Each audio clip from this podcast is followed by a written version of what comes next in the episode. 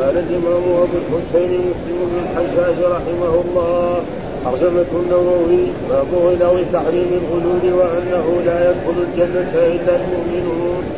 قال حدثني زهير بن حرب قال حدثنا هاشم بن القاسم قال حدثنا عزيمة بن عمار قال حدثني سماك الحنفي الحنفي وابن جبير قال حدثني عبد الله بن عباس قال حدثني عمر بن الخطاب قال لما كان يوم خيبر أقبل نفر من أصل صحابة النبي من صحابة النبي صلى الله عليه وسلم فقالوا فلان شهيد فلان شهيد.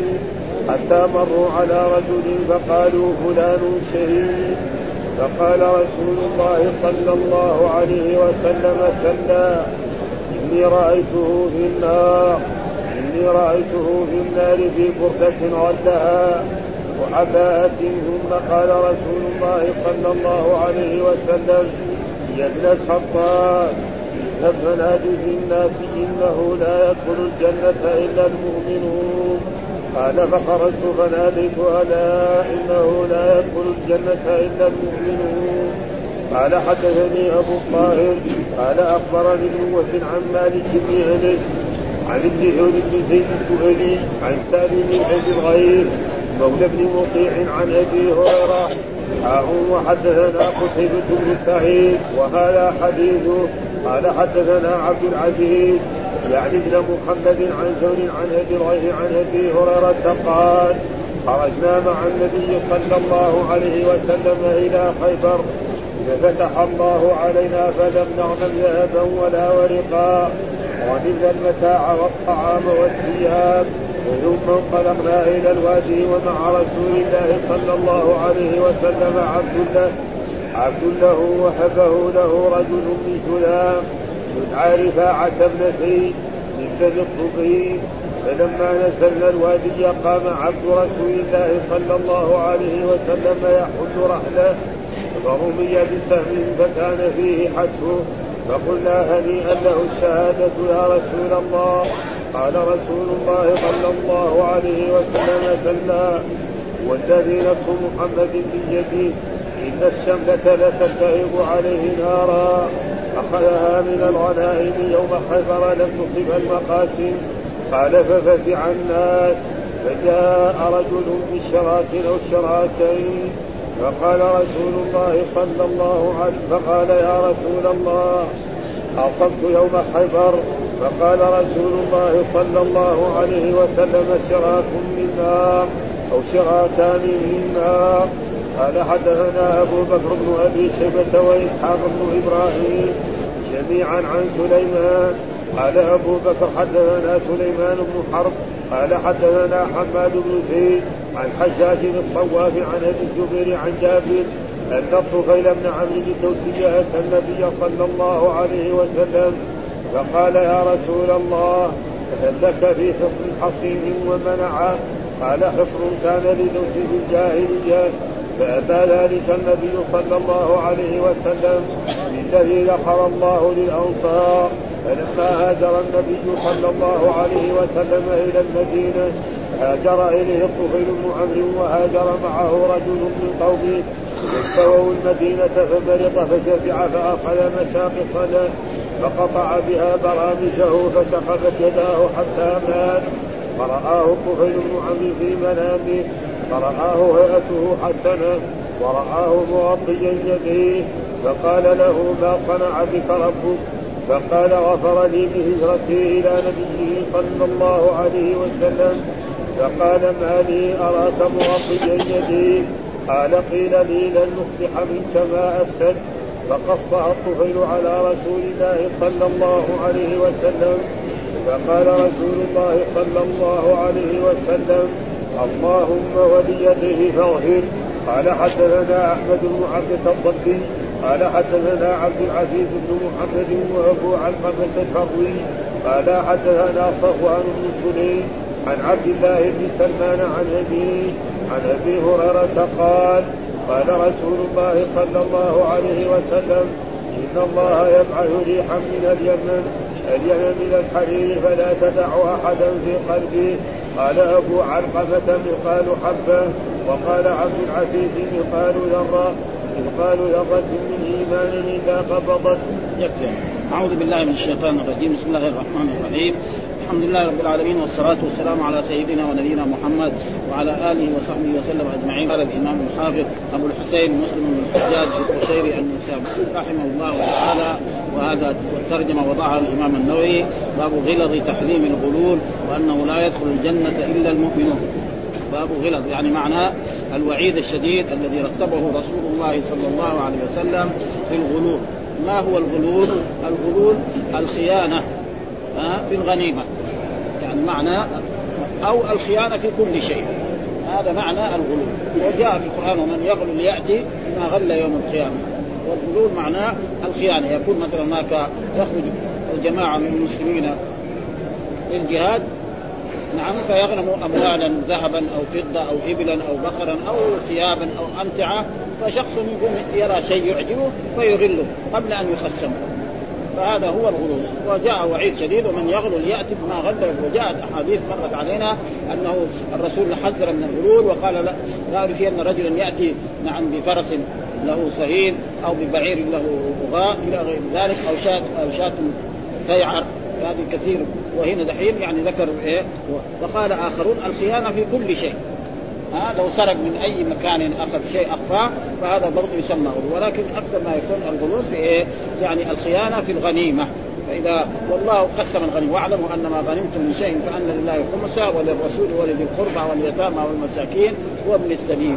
ها فقسم يقسم لله ولرسوله ولذي القربى واليتامى والمساكين وأربع اخماس تقسم على الجيش.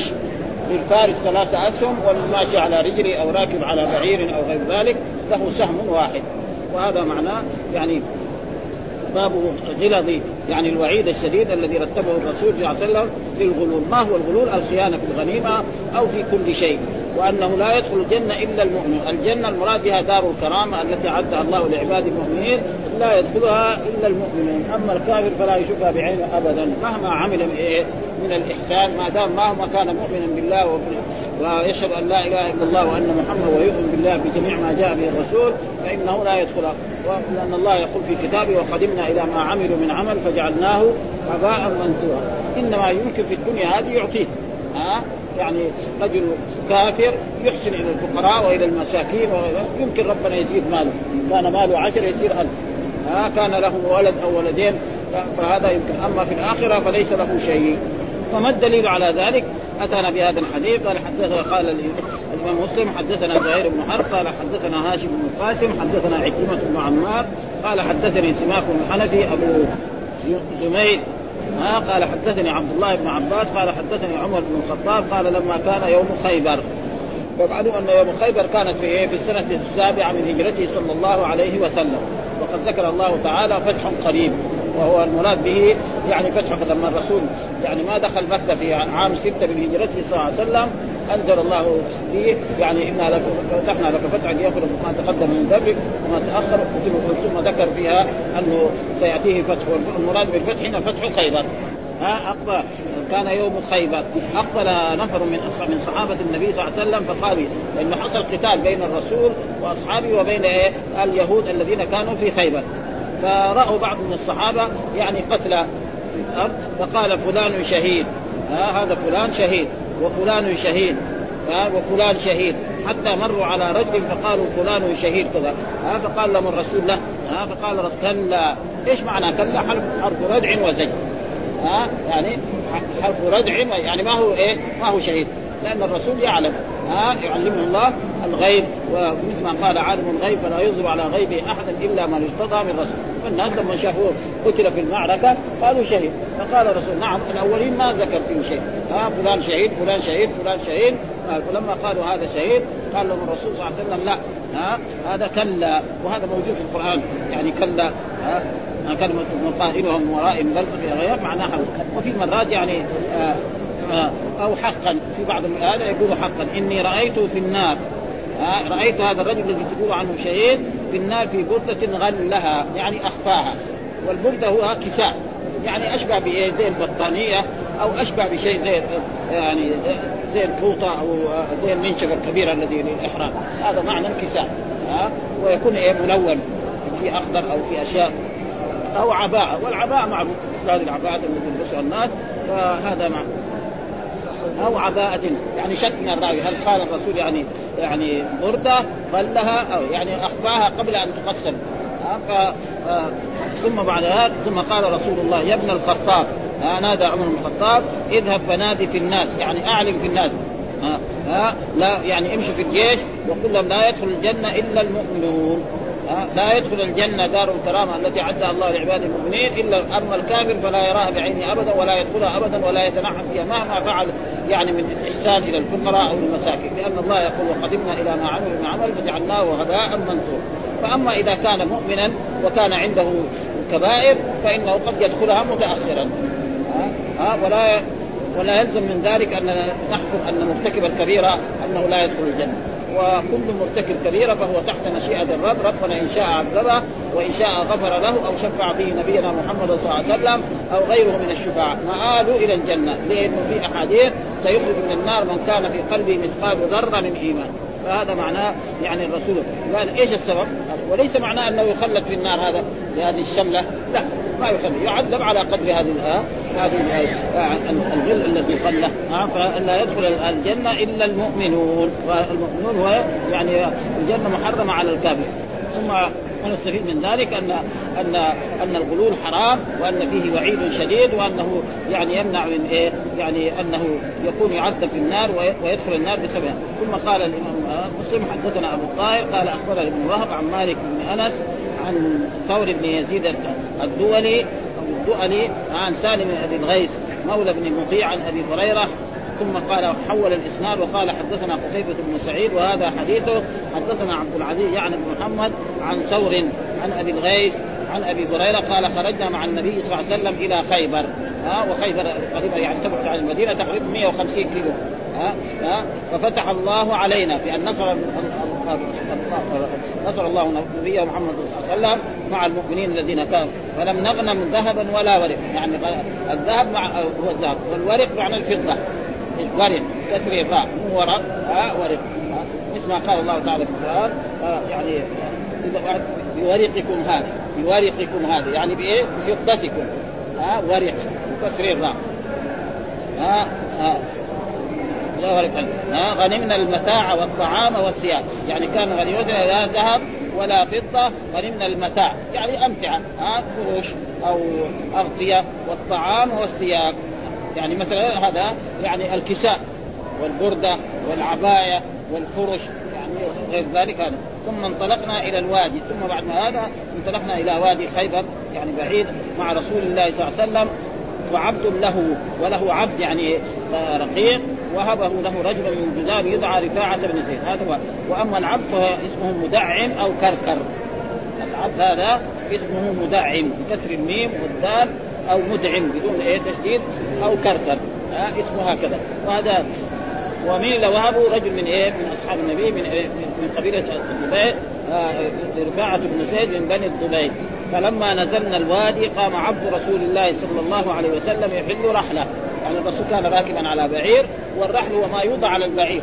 يسمى الشداد ويسمى قتل إذا كان صغير يسمى قتل وإذا كان كبير يسمى رحل. ها؟ مثلا البعير لا يحمل فحم أو حطب أو أكياس هذا يصير كبير كذا والذي يركبه شخص واحد. كان إيش؟ البريد كان بإيه؟ بالبعير. ها؟ مثلا يبغى أمير يرسل إلى بلد ما يعطي ناقة جيدة نعم ويجعل فيها يعني أكبر من هذا مرتين. هو هذا هذا هذا هو الرحل، الرحل لما يكون كبير يسمى رحل، ولما يكون صغير يكون قبل. فكان إيه؟ يحل رحل رسول يعني يزيل عن البعير، نعم فرمي بسهم. فرمه الكفار والمشركون اليهود بسهم فكان فيه حتفه يعني مات. ها؟ رمي بسهم فسقطت ومات. فقلنا هنيئا له الشهادة. قال الصحابة رضوان الله تعالى عليهم هنيئا لهذا العبد أدرك الشهادة وهو خادم لرسولها. فقالوا كلا برضه إيه؟ حرف ردع وزجر أو حقا. تفسر إما بحقا وإما والذي نفس محمد بيده. ها والذي نفس محمد يعني اقسم والرسول ما يحتاج صادق مصدق لكن ما لأجل التأكيد. ها والذي نفس محمد بيده. يعني أقسم بالله الذي نفس محمد يعني روحه النفس بمعنى الروح. إن شاء امسكها وإن شاء إن الشمله تلتهب عليه نارا. أخذها من الغنائم يوم خيبر. ها يعني تلتهب عليه نارا. فإذا الغنيمة هذا دليل وعيد على أنه إيه؟ يعني الإخفاء من الغنيمة أو الاصرار منها وأخذها قبل التقسيم. فهذا حرام وأنه لا يجوز. أن من فعل ذلك يستحق العقاب. وهذا الرجل لما فعل ذلك بعض الناس قالوا إنه شهيد. قال الرسول لا أنا رايته ان الشمل الذي يخفاها تلتهب عليه نار. وهذا دليل. والقرآن قال من يغلب يأتي بما غل يوم القيامة. ثم لم تصبها المقاسم. قال ففزع الناس. ففزع الناس لما فجاء رجل بشراك. والشراك هو ما يوضع في النعل. هكذا يعني على هذا هذا هذا الشراك. ها؟ يعني جلد يوضع كذا بين الأصابع عشان يمسك النعل. هذا هو الشراك أو شراكين. فقال يا رسول الله أصبت يوم خير. يعني أصبت هذا. ها هنا يقول حذف المفعول به. يعني هنا قال أصبت يعني أصبت هذا الشراك. يعني كأنه هؤلاء الذين أتوا بالشراك والشراكين يعني أصبت هذا الشراك أو هذين الشراكين يوم خيبر. فحذف المفعول وأبقى إيه الصرف وهذا جائز في اللغة العربية حذف المفعول إذا كان يعني باين كثير يعني موجود في اللغة العربية وإلا أصل التعبير أصبت هذا الشراك يوم خيبر أو أصبت هذا يوم خيبر. المفعول به والظرف وحذف المفعول وحذف المفعول كثير موجود يعني في اللغة العربية إذا كان فيه دليل. فقال رسول الله شراك من نار أو شراكان من نار. يعني الذي اذا لو كان ما تب ها وما أخرجت هذا فكان إيه تعذب. وهذا معناه إنه يعني هل يعني شراك من جنس النار.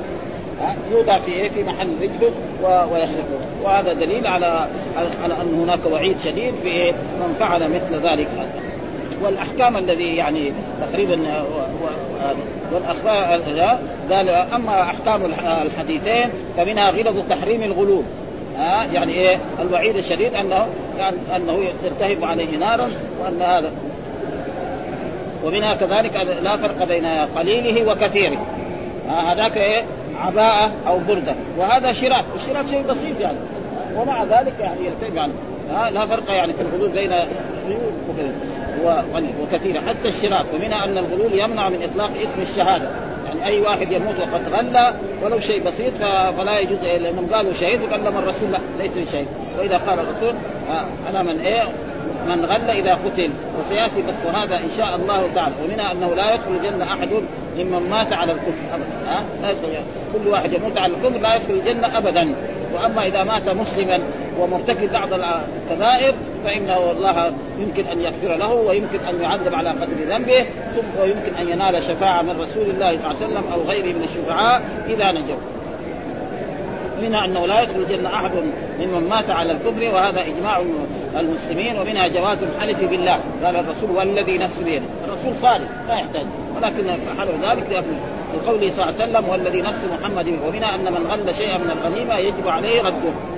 ها؟ ولذلك هؤلاء الصحابة ردوا هذا. وأنه إذا رده يقبل منه ولا ولا يحرق متاعه. لأنه كان في الأول أي واحد غل يؤخذ متاعه والاشياء الذي يملكها فتحرق. أمام الناس ويكون هذا دليل على إيه؟ على أنه فعل مثل ذلك. ولم فإنه صلى الله عليه وسلم لم يحرق متاع صاحب الشمله وصاحب الشراب ولو كان واجبا لفعله. ولو فعله لنقل. وأما الحديث من غل فأحرقوا متاعه واضربوه في رواية واضربوا عنقه فضعيف. يعني في حديث قال وأما الحديث من غل فأحرقوا متاعه واضربوه. وفي رواية واضربوا عنقه فضعيف. آه بين ابن عبد البر وغيره ضعفه. فقال الطحاوي ولو كان صحيحا لكان منسوخ لو كان الحديث صحيح يكون منسوخ ومعلوم أن الأحاديث ينسخ بعضها بعضا كما أن القرآن ينسخ بعضه بعضا. وهذا تقريبا هو آه ثم ذكر كذلك آه ترجمة أخرى باب الدليل على أن قاتل نفسه لا يكفر. وهذا ذكر أن الإنسان إذا قتل نفسه بحديدة أو أخذ سما أو أو أو شنق نفسه كما يفعل في هذه الأزمان وهو مسلم فإنه لا يحكم عليه بكفر مع ان الرسول ذكر هناك في حديث يعني وعيد أنه يكون في النار ويكون معه هذه الحديدة يطعن في إيه؟ في بطنه. وأن من يعني قتل نفسه بالسم ويكون سمه في يده نعم يشربه. بعيد شديد ومع ذلك لا يحكم عليه بأنه كافر. ها إنما عاصي. ها فهو إذا لم يتب فهو تحت مشيئة الرب ربنا إن شاء عذبه وإن شاء غفر له. أو شفع فيه نبينا محمد صلى الله عليه وسلم أو غيره من الأنبياء والرسل. فهذا معناه باب الدليل على أن قاتل نفسه لا يكفر. آه لا يكون كفرا أكبر. إيش الدليل؟ قال حدثنا أبو بكر بن أبي شيبة وإسحاق بن إبراهيم جميعا عن سليمان. قال أبو بكر حدثنا سليمان بن حرب. قال حدثنا حماد بن زيد عن حجاج بن الصواف عن أبي الزبير عن جابر أن الطفيل بن عمرو الدوسي. هذا من من قبيلة إيه؟ أبي هريرة. الصحابي الجليل يعني لأنه أتى النبي صلى الله عليه وسلم فقال يا رسول الله لك في حصن حصين ومنعة؟ قال قال حصن كان لدوس في الجاهلية فأبى ذلك النبي صلى الله عليه وسلم، حصن يعني إيه؟ يعني من يمنعك نعم ويقول إيه؟ يكون ضد أعدائك، الرسول قال لا ها لا أريد ها الذي يحفظني هو الرب سبحانه وتعالى وكذلك الأنصار فإن الأنصار بايعوا رسول الله صلى الله عليه وسلم على أن يمنعوا رسول الله صلى الله عليه وسلم مما يمنعون به أولادهم وأهلهم كانت الهجرة هكذا. يعني بايع الأنصار في يعني العقبة الأولى والثانية على أن الرسول إذا هاجر إلى هذه المدينة أنهم يمنعونه مما يمنعون به أنفسهم وأولادهم. فلما هاجر الرسول وخرج إلى بدر الرسول صلى الله عليه وسلم يعني قال أشيروا علي أيها الناس. أشيروا علي أيها فقال المهاجرون كأبي بكر يعني اذهب إلى حيث شئت فإننا نحن معك. وكان الرسول يكرر ذلك مرة ومرتين ففهم الأنصار أنه يعني الرسول يريدهم هم. ما يريد إيه؟ المهاجرين. ها فقالوا يا رسول الله سر معنا. يعني سر سر حيث أمرك الله فإن لو سرت يعني إلى البحر لسرنا معك. وسر الرسول صلى الله عليه وسلم ولأجل ذلك يعني ما يحتاج إيه؟ وقال كذلك في آية أخرى يعني إيه إن الله يعني سيمنع رسوله ويحفظ. آية كده الآن. قال وللذي ذخر ذخر الله للأنصار يعني ادخره لإيه؟ للأنصار. فلما هاجر النبي صلى الله عليه وسلم إلى المدينة هاجر إليه الطفيل بن عمرو وهاجر معه رجل من قومه فاجتووا المدينة. يعني إيه؟ يعني استوخموا المدينة أو كرهوا المدينة. ومعلوم أن بعض الناس إذا جاء في بلد ولا يعرفها يختلف عليه الهواء ويختلف عليه الماء ويختلف عليه الطعام فاجتووا إيه؟ المدينة. وهاجر معه رجل من إيه من قومه يعني من قبيلته التي هي دو فاجتووا المدينة يعني معناه كرهوا المدينة. أو يعني صارت المدينة وخف عليهم كما حصل من إيه؟ من ناس جاء يعني جاءوا إلى هذه المدينة وجلسوا مع رسول الله صلى الله عليه وسلم مدة من الزمن ثم صار معهم مرض وهذا فأرسلهم الرسول إلى ابن الصدقه الحره الشرقية. وبعد ما فقال لهم اشربوا من أبوالها وألبانها فلما شربوا واستصحوا قتلوا الراعي واستاقوا الإبل. ها فارسل الرسول خلفهم وأتي بهم. نعم فقتلوا. ولذلك هذا ما ها فمرض فمرض هذا الرجل فجزع فأخذ مشاقص. مشاقص معناه يعني سهما من سهامه ها فقطع بها براجمه. البراجم هذه. هذا هذا هذا هذا هذه البراجم. ولذلك يجب على الإنسان اللي يكون يعمل في أشياء لازم لما يتوضأ وهذا ينتبه مثلا يكون خشن يعمل مثلا في الإسمنت وفي النورة. هذه تصير أي بس ما يكون. آه كذلك اللي في البوية وأشياء كذلك اللي في العجين آه فران الأولين اللي كان يعني يعجب دحين ساووا آلات جديدة خلاص. آه فهذه هي البراجم فلازم إيه؟ قال فقطع براجمه. آه ف...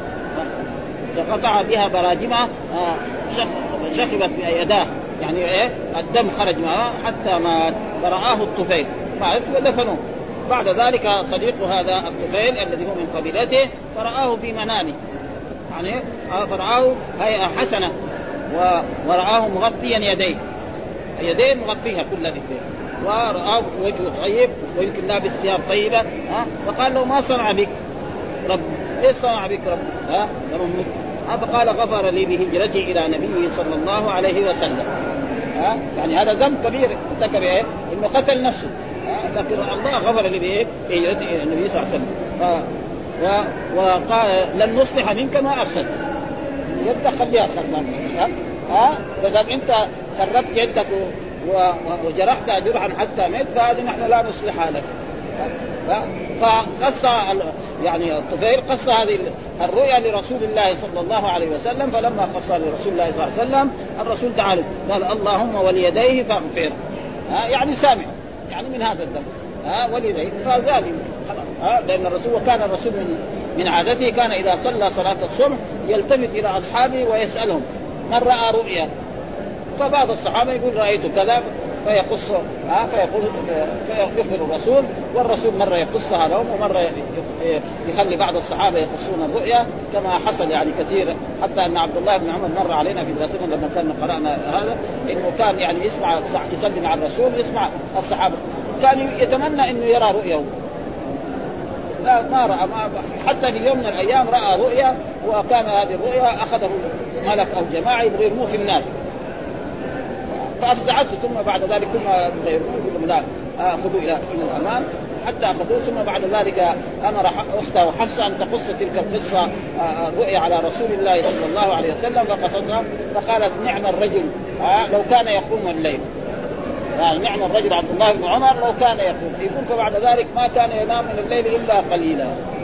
وصار من أصحاب رسول الله صلى الله عليه وسلم الكبار ولذلك كان الرسول يعجبه كثير ها؟ ومر علينا كذلك الرسول صلى الله عليه وسلم ان ان أن الرسول رأى نفسه على على بئر وكان ونزع منها نزع.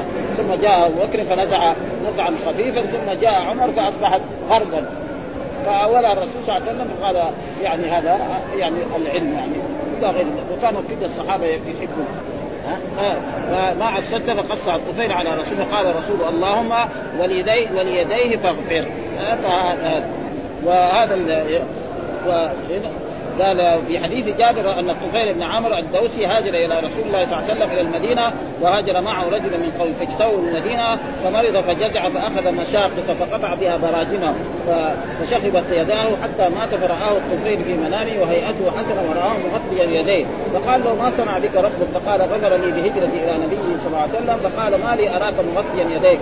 قال قيل لي لن نصلح منك ما افسد فقص الطفيل على رسول الله صلى الله عليه وسلم فقال رسول الله صلى الله عليه وسلم اللهم وليديه فاغفر قال فاجتووا المدينة هو بضم الواو. الثانية ضمير جمع وهو ضمير يعود على الطفيل والرجل المذكور ومن يتعلق بهما ومعناه كره المقام بها لزجر ونوع من سقم. وهذا شيء مشاع قال ابو عبيد والجوهر وغيرهما استويت البلد إذا كرهت المقام. وان كنت في قال الخطاب واصله من الجوى وهو داء يصيب الجو وقوله فأخذ مشاخص هو بفتح الميم والشين المعجمة بالقاف والصاد المهملة وهو جمع مشخص بكسر الميم وفتح القاف قال الخليل وابن فارس وغيرهما هو سهم فيه نصل عريض. سهم فيه إيه؟ نصل عريض. السهم الذي يكون في العلو والنصل يكون إيه؟ من خلف وقال سهم طويل ليس بالعريض وقال المشقص ما طال وعرض وهذا هو الظاهر. من كونه قطع براجمه ولا يحصل ذلك إلا بالعريض. وأما البراجم بفتح الباء الموحدة وبالجيم فهي مفاصل الأصابع وواحدتها برجمة وهي هذا هذا وهذا وهذا وهذا. مفاصل صار واحدها فشخبت يداه وبفتح الشين يعني سال دمها وقيل سال بقوة وقوله هل لك في حصن حصين ومنعة؟ هي بفتح الميم وبفتح النون واسكانها وذكر ابن السكيت والجوهري وهو العز والامتناع ها ممن يريده والرسول ها والله يعصمك من من الناس. يعني جاء في آية كان الرسول صلى الله عليه وسلم يحرس وبعدما نزلت هذه الآية أمر الرسول صلى الله عليه وسلم أن ينصرف الناس الذين كانوا يحرسون رسول الله صلى الله عليه وسلم وبعدما أنزل الله تعالى هذه الآية والله يعصمك من الناس. فكان أما أول كان الناس يحرسونه في بيته وإذا كان في الغزو إلى غير ذلك هذا جمع مانع كظالم وظلم أي جماعة يمنعونك ممن يقصدك بمكروه. أما أحكام الحديث ففيه حجة لقاعدة عظيمة. أهل السنة أن من قتل نفسه وارتكب معصية غيرها ومات من غير توبة فليس بكافر. وهذا يجب إيه أن ينتبه له المؤمنون والمسلمون جميعا وهذا فيه رد على الإيه؟ على المعتزلة والخوارج. فإن المعتزلة والخوارج يقول إذا ارتكب كبيرة ارتد عن الإسلام. أما المعتزلة يقول في منزلة بين المنزلتين في الدنيا لا هو مؤمن ولا هو كافر مزبزب وإذا مات خلد الخوارج حال ما يرتكب معصية يصير كافر. وهذا كله غلط. ها؟ الصحيح أن مرتكب الكبيرة هو تحت مشيئة الرب. وهذا قال آه أن من قتل نفسه وارتكب معصية غيرها ومات من غير توبة فليس بكافر. هذا لازم يفهم. ولا يقطع له بالنار بل هو في حكم المشيئة. وقد تقدم بيان القاعده وتقريرها وفي أحاديث أنه إيه يفعل يخلد في النار خالدا مخلدا في النار معناه هذا وعيد. وليس وهذا الحديث شرح للأحاديث التي قبلها الموهن ظاهر تخليد قاتل النفس غير من أصحاب الكبائر في النار. وفيه إثبات عقوبة بعض أصحاب المعاصي فإن هذا عقب في يديه. وفيه رد على المرجئة القائلين بأن المعاصي لا تضر هذا يعني هو مات ومع ذلك ربنا غفر له لهجرته ومع ذلك يعني عذبه بأن تكون يديه يعني بهذه الطريقة يعني مربوطة. ثم ذكر باب في الريح التي تكون قرب القيامة تقبض من في قلبه شيء من الإيمان. يعني باب في الريح التي تكون قرب القيامة. قرب إيه؟ يوم القيامة. تقبض من من في قلبه شيء من الإيمان. وهذا جاء في أحاديث عن رسول الله صلى الله عليه وسلم لا تزال طائفة من أمتي على الحق لا يضرهم من خالفهم ولا من خذلهم حتى يأتي أمر الله. كذا. اذا متى إلى قرب إذا قربت القيامة هذول كمان يموتوا ها؟ وإذا لا تزال طائفة من أمتي على الحق ظاهرة لا يضر من خالفهم ولا وهذول يكون في إيه؟ في الدنيا. أو في قد يكون في بلد كثيرون. وفي بلد يكون قليل وفي بلد يكون يعني بضع أشخاص من هذا وأما في آخر الزمان قبل قيام الساعة فالله يرسل ريحا من من جهة اليمن أو من جهة الشام فتقبض كل قلب مؤمن. وتقبض كل من كان في قلبه مثقال ذرة من إيمان. ولا يبقى إلا شرار الناس. لأن تقوم الساعة على شرار الناس. ها ما في من يقول الله الله. فضلا إيه؟ يعبد الله وهذا يعني أحاديث صحيحة في هذا الموضوع فيجب الإيمان بها وان تقبل وباب في الريح التي تكون قرب القيامة. يعني قرب يوم القيامة. تقبض من في قلبه شيء من الإيمان. ولو كان ذرة. ها؟ أو مثقال حبة. نعم إيش الدليل؟ قال حدثنا أحمد بن عبد آه بن عبد الضبي حدثنا عبد العزيز بن محمد وأبو علقمة. آه الفروي قال حدثنا صفوان بن سليم عن عبد الله بن سليمان عن أبيه عن أبي هريرة قال قال رسول الله صلى الله عليه وسلم إن الله يبعث ريحا من اليمن يعني من جهة اليمن بالنسبة يعني من جهة الجنوب بالنسبة للمدينة ها فلا تدع أحدا في قلبه. قال أبو علقم مثقال حبة ها والحبة صغير عن وفي عبد العزيز مثقال ذرة. وقال عبد العزيز إنه في يعني في علقمة وفي عبد العزيز. واحد يقول مثقال والمعنى كله ها إلا قبضته إلا يعني قبضته وما وهذا في دليل على أن يعني أن القيامة لا تقوم إلا على شرار الخلق.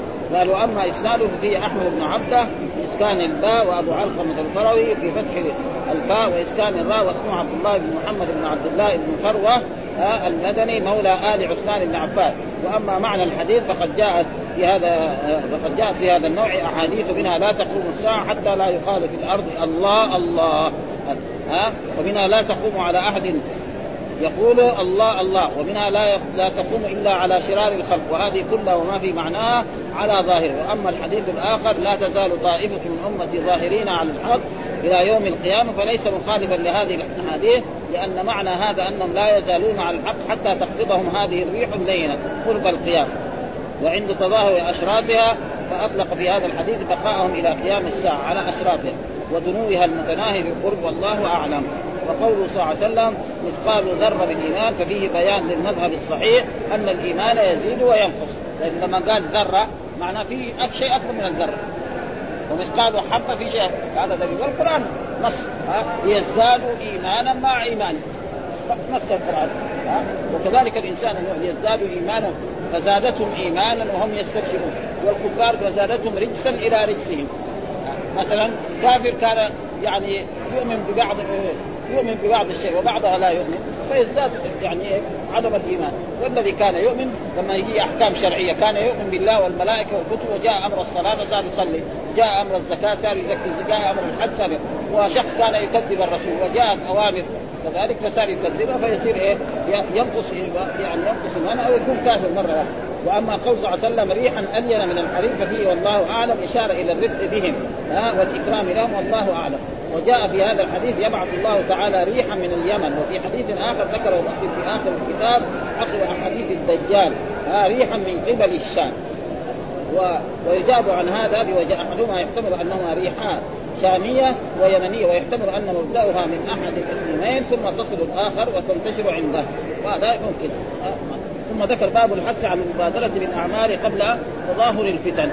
يعني يجب الإنسان أن يعمل الأعمال لأن هناك إذا جاءت الفتن الإنسان يشتغل بهذه الفتن ولا يستطيع أن يؤدي الواجب. والرسول حذر من الفتن التي تأتي في آخر الزمان حتى ذكر أنه يصبح الرجل مؤمنا ويمسي كافرا. ويمسي كافرا ويمسي مؤمنا في فتن وجاء وسئل يقول في آخر الزمان الحرب قالوا ما الحرب؟ قال القتل. وهذا دحين موجود في عصرنا هذا. كل يوم نسمع نحن في الاذاعات وفي الصحف أن الفلانيين قتلوا آه بعض مرات طائرات. مرة فيضانات مرة زلازل مرة بعضهم لبعض يقاتل بعضهم بعض. شعب واحد كما حصل في لبنان. خمسة عشر سنة يقاتلون في سبيل إيه؟ في سبيل الشيطان. في سبيل يعني إعلاء كلمه لأنه شعب واحد. لكن الشعب خربان في مسلم وفي درزي وفي يهودي وفي نصراني. ها؟ وكذلك البلدان الثانية حتى في ها؟ بين البيض والسود. أشياء يعني حقيقة يعني ما أخبر به الرسول صلى الله عليه وسلم يقع هذا هو يكثر الهرج. إيش الهرج؟ سئل الرسول قال القتل. شوف قد إيه؟ مرات يعني باخرة يعني سكه حديد تخطر في بعض فالقريب هنا يعني في هذه الأيام. لما يسمع الإنسان الأخبار ولذلك حقيقة في بعض المرات لا ما فائده لا يسمع لا أخبار ولا شيء يرتاح يريح نفسه. لا يسمع إذاعة ولا شيء. في هذه الأيام ولذلك الرسول حذر وصدق رسول الله أن الفتن تكثر في آخر الزمان كما هو الآن الفتنة هذه التي حصلت لنا في بلادنا. ونسأل الله أن يزيلها نعم ويرد كيد الأعداء في دخول إن شاء الله. حدثنا يحيى بن أيوب وباب الحث على المبادره بالأعمال، أي أعمال؟ الأعمال الصالحة. ها من توحيد وصلاة وزكاة وصيام قبل تظاهر الفتن، إن تظاهر الفتن إيش الدليل؟ قال حدثنا يحيى بن أيوب وقتيبة وابن حجر جميعا عن إسماعيل بن جعفر. قال ابن أيوب حدثنا إسماعيل قال أخبرنا علاء عن أبي عن أبي هريرة أن الرسول قال بادروا بالأعمال. الأعمال ما وصف بادروا بالأعمال يعني الصالح ها بادروا وهذا معروف في اللغة العربية يعني يحذف الصفة ويبقى الموصول ها كثير. ها يبقى يعني وهذا موجود كذلك. حتى بعض العلماء فسروا يعني بقول لا صلاة مع من لم يقرأ بفاتحة الكتاب. يعني لا صلاة كاملة. فسروا إيه الصفة معه ولكن الصحيح لا لا صلاة ما له صلاة. وفيه من ذلك قوله تعالى مثلا موسى عليه السلام يقول آه قالوا آه بني إسرائيل الآن جئت بالحق. يعني جئت بالحق؟ الواضح. بعد ما سألوا عن البقرة البقرة حتى في الآخر فمعناه وهو ما جاء بالباطل هو جاءهم بالحق. لكن هنا الآن دحين جئت بإيه؟ بالواضح. خلاص يعني ما وهذا كثير. هنا قال معناه بادروا بالأعمال الصالحة. ها بالأعمال. فتنا كقطع الليل المظلم يصبح الرجل مؤمنا ويمسي كافر أو يمسي مؤمنا ويصبح كافر. يبيع دينه بعرض من الدنيا. وهذا واقع. الآن لو فتشنا لوجدنا كثير من الناس يبيع يعني دينه بعرض. مثلا شخص يعرف الربا محرم ويستعمل الربا ويأكل منه ويأكل أولاده. يعلم مثلا الغش حرام. يعمل أشياء مثلا يعني حتى الكبائر يعني الاشياء المحرمه ظاهرا زي الزنا وهذا في بعض البلاد مفتوحة. إلى غير ذلك فهذه يعني تقريبا يعني يصبح كافرا ويبيع دينه بعرض من الدنيا وسيأتي بعد ذلك أبواب الفتن خاصة قال معنى الحديث الحث على المبادرة إلى الأعمال الصالحة قبل تعذرها والاشتغال عنها بما يحدث من الفتن الشاغلة المتكاثرة المتراكمة كتراكم ظلام الليل المظلم لا لا المقبل المظلم لا المقبل ووصف صلى الله عليه وسلم نوعا من شدائد تلك الفتن وهو أن يمسي مؤمنا ثم يصبح كافرا أو عكسه شك الراوي وهذا لعظم الفتن ينقلب الإنسان في اليوم الواحد. هذا الانقلاب والله أعلم. ويوجد النفاق ويوجد أشياء كثيرة. وهذا يعني الآن في عصرنا هذا يعني تقريبا يمكن نقول إنه هو موجود. يكفي هذا؟ يكفينا إلى هذا. مخافة المؤمن أن يحبط عمله. الحمد لله رب العالمين وصلى الله وسلم على نبينا محمد وعلى آله وصحبه وسلم.